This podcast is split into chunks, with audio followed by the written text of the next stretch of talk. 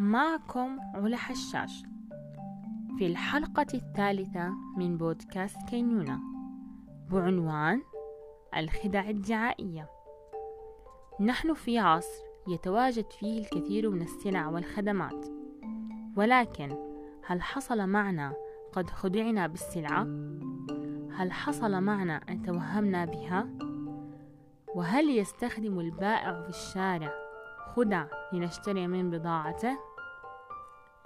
هل كل ما نراه على شبكات الإنترنت من بضائع حقيقي عندما نشتريه؟ هل الخدع الدعائية مستحدثة أم موجودة من قبل؟ وهل هذا هو نوع من النصب على المشتري؟ فما هي الدعاية؟ الدعاية عبارة عن تواصل جماعي هدفه هدفه جذب انتباه الفرد وتشجيعه على تبني سلوك معين أي سلوك شراء السلعة والخدع الدعائية عبارة عن مخاطبة الغرائز لتقوم بتحفيزها لشراء خدمات أو منتوجات عبر وسائل الاتصال الحديثة فما هي أساليب الخدع الدعائية؟ أولاً استخدام الصورة بالدرجة الأولى سواء فيديو أو ثابتة. الصورة التي تلفت نظر المستهلك وتستجيب لحاجاته ونواقصه.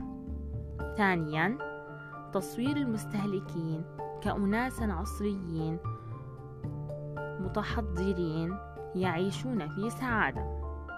ثالثا تصوير على أن المنتج مفيد جدا ونحن بحاجة له مثل دعايات الشامبو.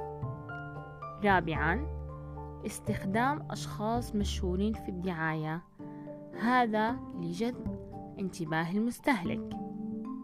خامسا ربط المنتج بالمباريات والمناسبات الاجتماعية والوطنية مثل دعايات البيبسي والكوكا كولا سادسا المبالغة في إظهار حسن المنتج.